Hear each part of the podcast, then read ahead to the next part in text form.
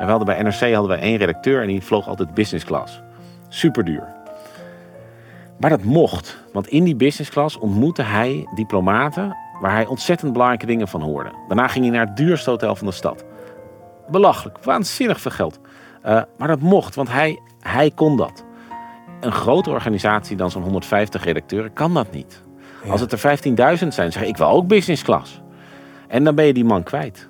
En die, die komt niet meer met dat ene verhaal dat wij dan wel hadden en de anderen niet. Je gaat zo meteen luisteren naar het gesprek dat ik heb gevoerd met Joris Luijendijk. Joris is antropoloog en schrijver, een succesvol schrijver. Hij boeken over het Midden-Oosten, over de media, over de financiële wereld, die allemaal als zoete broodjes verkopen en heel interessant zijn. Heel fijn om hem hier aan tafel te hebben. Wat vond jij van het gesprek, Tom? Ja, ik, ik loop er echt al twee weken elke dag mee rond met dat gesprek. Het is echt heel, heel veel gedaan.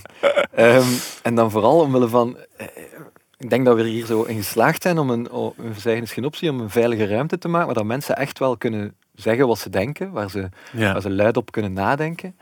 Um, we zijn het daar niet noodzakelijk altijd mee eens. Nee, en, en het is dat ook dat ik wil zeggen. Het is ook de, de vraag van, als, als je zo van die gesprekken voert met mensen, hoe kun je dan lief en op een veilige manier van mening verschillen? Ja.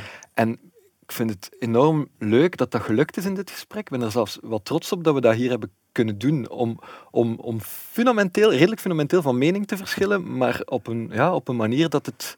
Mhm. Ja, dat, dat, dat je ja, elkaar, denk ik, versterkt. Of dat je, ja, ik, heb er echt, ik, ik loop er echt al de hele tijd mee rond, omdat het dat doet. Mm Het gaat ook over het wat ik. Hey, het ging over iets wat ik al heel vaak over heb nagedacht. Zo, hoe kun je hoe kun je je stem gebruiken om de stem van iemand anders te verheffen? Mhm. Kan dat eigenlijk wel? Mhm. Zo, hoe, je spreekt altijd in iemand zijn plaats en daarmee doe dat afbreuk aan wat die persoon misschien eigenlijk zelf zou willen zeggen. Dus het is van hoeveel plek kun je als persoon innemen als je ergens voor strijdt of zo. Ja, ja. ik vind het cool dat we, ja, we verschillen daar heel duidelijk van, van mening. Alhoewel op het einde komt het dan toch weer wat samen. Mhm. Ehm, ik vind wel dat het ja. Ja. En het is iets, het is die strijd die jullie dan vertegenwoordigen, was een strijd die in mij ook plaatsvond of zo. Dus ik vond het wel mhm. waardevol om zo engeltje, duiveltje, om het heel hard te simplificeren, bezig te zien. Het heeft mhm. mij enorm geholpen om daar mijn eigen mening over te vormen. Cool. Hopelijk doet het dat voor andere mensen ook. Ja.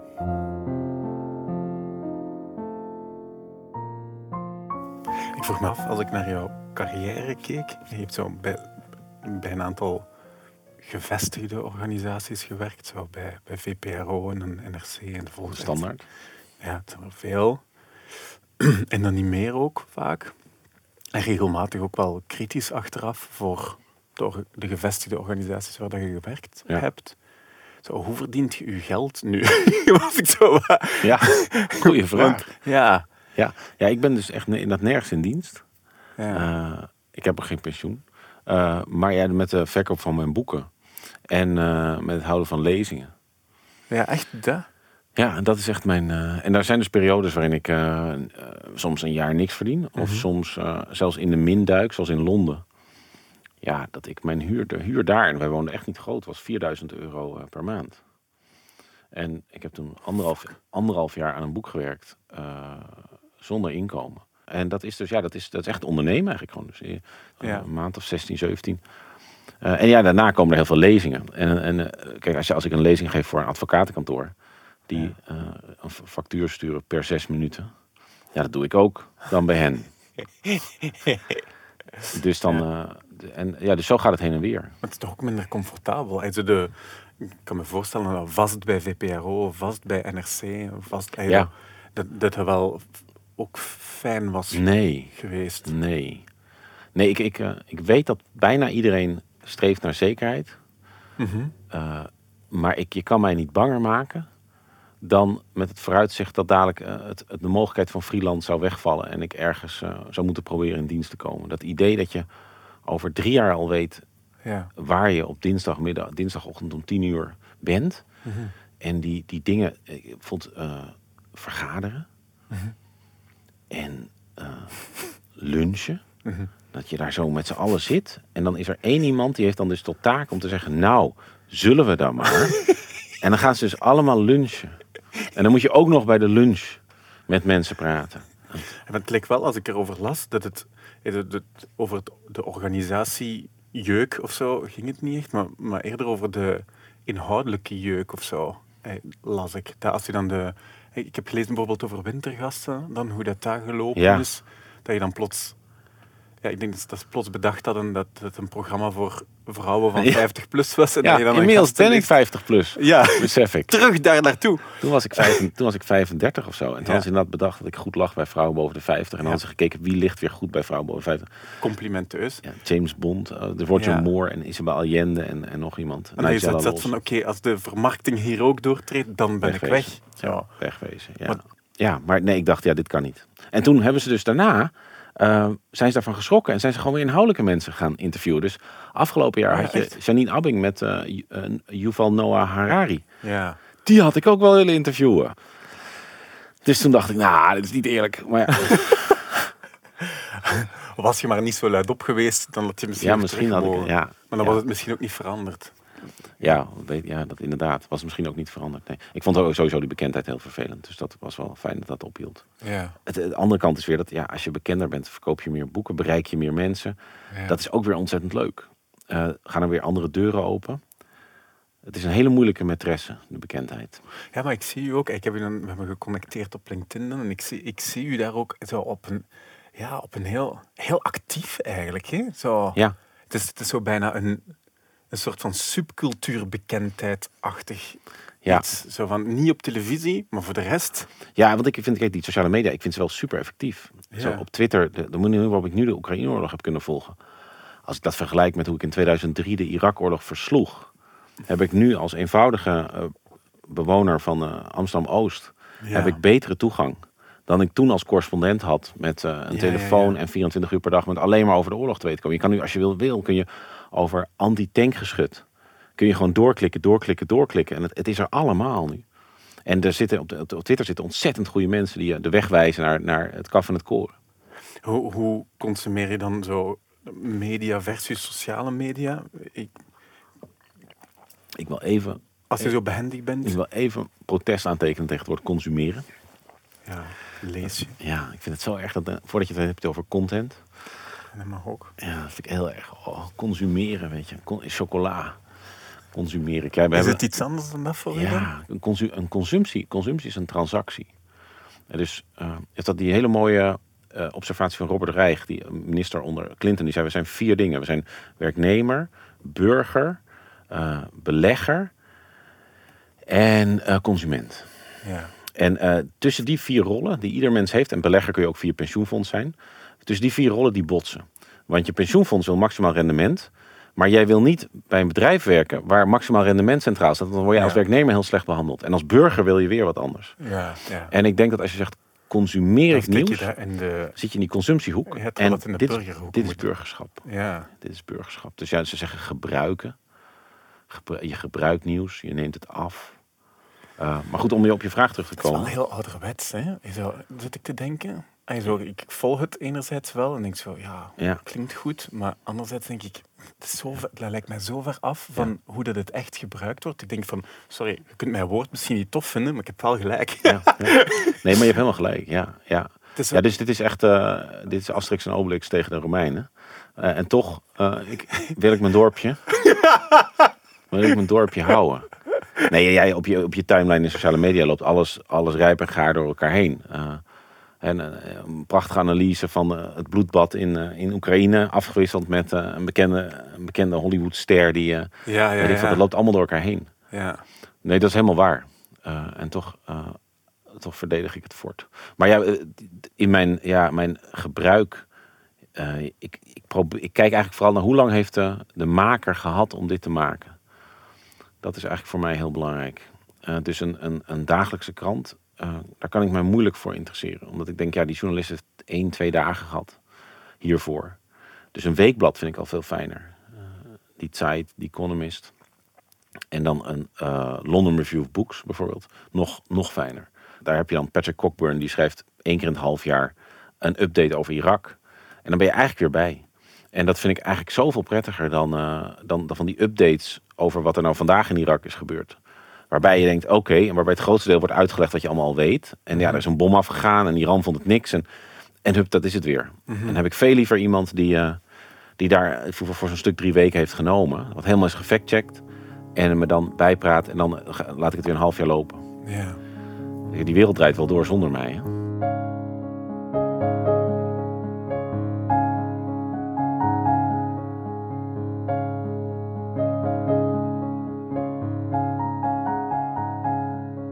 Ik zag zo'n filmpje waarin je, waarin je een college promote, denk ik. eh, het zijn net mensen 2.0, zo, wat een update was van Ja. het, het boek, maar dan in een college, mediacollege vorm.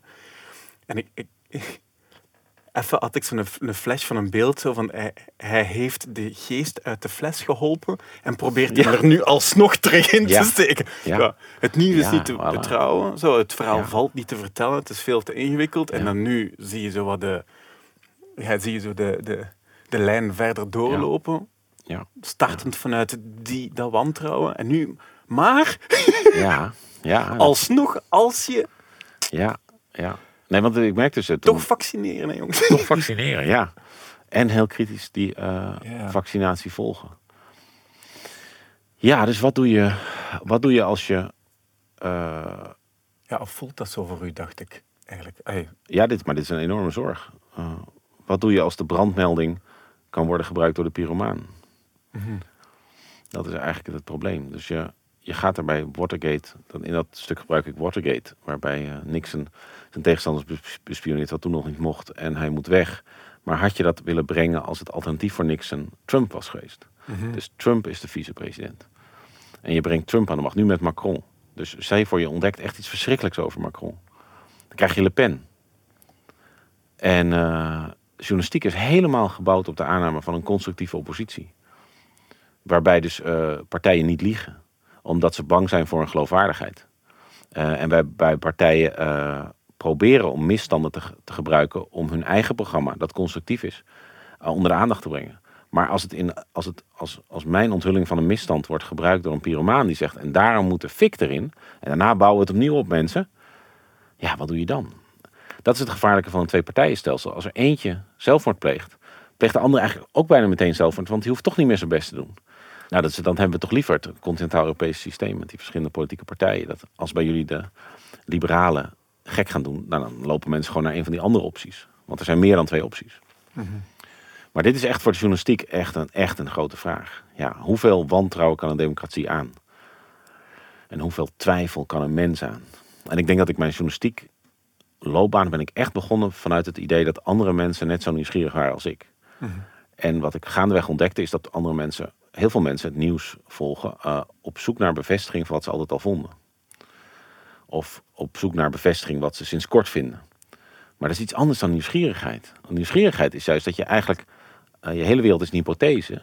eh, en je denkt van, is er nog een weerlegging van mijn hypothese? Ja, ja. Of hou ik maar nog de komende 24 uur toch weer aan, vast aan wat ik, wat ik nu denk? Ja, dus eh, ik, ja. ik had bijvoorbeeld bij Het zijn het mensen, mijn boek over journalistiek in het Midden-Oosten, daar was het deel, de media vertelt ons niet het hele verhaal, super populair bij het publiek. Maar het deel, eh, wij steunen als Westen al decennia de meest afschuwelijke dictators. Dus al die verhalen over eh, wij gaan democratie brengen naar Irak zijn totale bullshit. Want kijk eens even wat we in andere Arabische landen allemaal doen. Dat was alsof, dat gewoon, alsof, dat, alsof ik dat niet zei. Alsof het geluid uitging op het moment dat ik dat zei. Want bij de vragen kwamen volgens mensen die zeiden... ja, maar vindt u toch ook niet dat we gewoon te ambitieus zijn geweest in Irak? Dat die mensen nog niet klaar zijn voor democratie? Zeg ik, nou ja, zoals ik net 20 minuten heb proberen uit te leggen... waren we nooit uit op democratie daar. Want als wij zo graag democratie willen... waarom steunen we dat dan niet in Qatar, in Saudi-Arabië, in Tunesië toen... in Marokko, in Algerije? Waarom steunen we daar altijd de dictators als we zo graag democratie willen? Wij wilden nooit democratie. Wij wilden een stabiel systeem wat olie zou brengen... en het geld van de olie uit zou geven bij onze bedrijven. En dat zou democratie mogen heten, zolang ze precies deden wat wij zeiden. Dat was het plan, want dat is in al die landen het plan.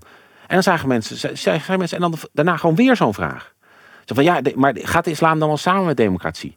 Je denkt, we hebben het nooit geprobeerd. We maken het actief onmogelijk in die landen dat moslims zich democratisch kunnen uiten. En dat was ook bij die banken was dat ook zo. Dan, als ik dan zei van kijk eens hoe beroerd die banken waren. Ja, weg met de banken. En dan zei ik, en dan zei ik ja, maar als we gaan, gewoon weer een, een gezond financieel systeem, dan gaat de rente ook omhoog. En dan, en, eh, ja, dan wordt u, wordt, is uw huis wel de helft waard. Nou, dan stortte voor mijn ogen de steun voor eh, een radicale omvorming van het financiële systeem in. Want al die middenklasse boekenlezers, die hebben een eigen huis. En dus dat, eh, dat, ja, dat, dat, dat gebrekkige vermogen tot echte zelfkritiek, dat, eh, dat is mij wel door de jaren heen steeds duidelijker geworden. Ik moet zeggen, als ik aan het lezen was, dat, dat ik dacht zo, ik, ik, ik- en nog altijd denk ik dat, dat iedereen nieuwsgierig is. En, zo, en, en dat zij omwille van gevoelsmatige of gebeurtenissen in hun leven een nieuwsgierigheid een andere weg kiest of zo. Ja. Die bijvoorbeeld meer op wantrouwen gebaseerd is en daardoor meer een stem zoekt die, die ja, dat gevoel van wantrouwen erkent of zo. Ja, En dat ze da daardoor, dat is het zo'n samenspel van emotie en ratio, wat ik mij dan ook wel ergens in kan vinden. ja. Maar geloof ik nog altijd dat dat vanuit die nieuwsgierigheid vertrekt. En, en dan... ik weet het niet. het, klinkt... ja. Het is moeilijk generaliseren. Ja, Zowel zo. over groepen als wel Ja. over, en zelfs over een individu. Ja, Want ik denk dat het ook heel contextueel is. ja. Maar dat, dat angst is sowieso sterker dan nieuwsgierigheid. Denk ik. Ja. We hebben, ik denk volgens mij ook de mensen die wat serieuzere informatie maken, zoals jij en ik, hebben zichzelf lang kunnen wijsmaken dat de reden dat ze zo weinig aftrek vonden voor hun verhaal, te maken had met dat mensen het nog niet wisten. Het was niet beschikbaar, of het was duur, of het was een boek of zo, in 1980. Maar nu is on- online, kun je echt zien wat mensen willen. En het is vernietigend wat ze willen. Het heeft, het is, wij zijn zo marginaal. En zo de standaard, wat is het, 1%, 1,5% van de bevolking heeft een abonnement op de standaard. Hè, dus, dus ook het, eh, het laatste nieuws, heet het bij jullie geloof ik. Een, het laatste nieuws lezer hoort bij de beter geïnformeerde mensen van het land. Mhm. Dus die, de behoefte is er gewoon ook helemaal heel beperkt. Dus je hebt mensen die floreren in een systeem dat ze onvoldoende doorzien om het te steunen. En democratie is echt een raar systeem, want je zegt we gaan de allerbelangrijkste beslissingen, namelijk over de toekomst van ons land, gaan we laten nemen door de mensen die er het minst van af weten, namelijk de kiezers. Ik denk als je dat een paar honderd jaar geleden aan mensen had voorgelegd, dan had ze, wat? Wat ga je doen? Zeg ja, maar dat is beter, want als je dat dus niet doet, dan komt de macht in handen van een klein clubje. En dat klein clubje gaat binnen twee generaties alleen nog de belangen van dat kleine clubje eh, behartigen. Dus eigenlijk de enige manier om van een leider af te komen is door een soort verkiezingen te houden. Dan krijg je rotatie van de macht. En, eh, maar dan zou zo iemand in 1200 ook hebben gezegd: ja maar, ja, maar dan krijg je allemaal clowns. Want mensen die geloven veel liever dat het allemaal komt door de Joden of allemaal komt door dat, dan dat ze onder ogen zien van hé, hey, een, deel van de wereld weten we niet, een deel van de wereld weten we niet of we het kunnen weten. Eh, we zullen offers moeten brengen. We zijn voor een deel zelf schuldig. Allemaal niet leuk om te horen. Ehm, en dan zeg je ja, dan, maar wat we dan doen is dat we mensen geven een vrije keuze uit een heel beperkt aantal partijen. En die partijen die hebben een soort basisfatsoen en een basisregels. Waarbij bijvoorbeeld tot midden jaren negentig was gewoon gezegd: hitsen tegen buitenlanders, hitsen tegen immigranten, dan doe je niet meer mee. Geen aandacht meer in de media. Die media was ook weer een heel beperkt aantal kanalen. Die konden samen afspreken: hitsers krijgen geen podium. Nou ja, dan krijg je dus eh, op zich technologie die, die er, ja, waar ik ook erg van geniet. Waardoor opeens heel veel media komen. En wij hebben een systeem waarin je zo'n nieuwe politieke partij mag oprichten. Ja, ik heb wel van politici gehoord die, die zeiden van ja, maar wij wisten in de jaren 50, 60, 70, 80 ook wel dat er gewoon 20, 25 procent van het electoraat is hartstikke gevoelig voor racistische en cryptoracistische taal. En die zetels liggen daar gewoon. Maar we hadden met z'n allen een convenant dat we die zetels lieten liggen. Dan gingen die mensen maar niet stemmen. Ja, dat is die, die geest uit de fles, zoals je zegt.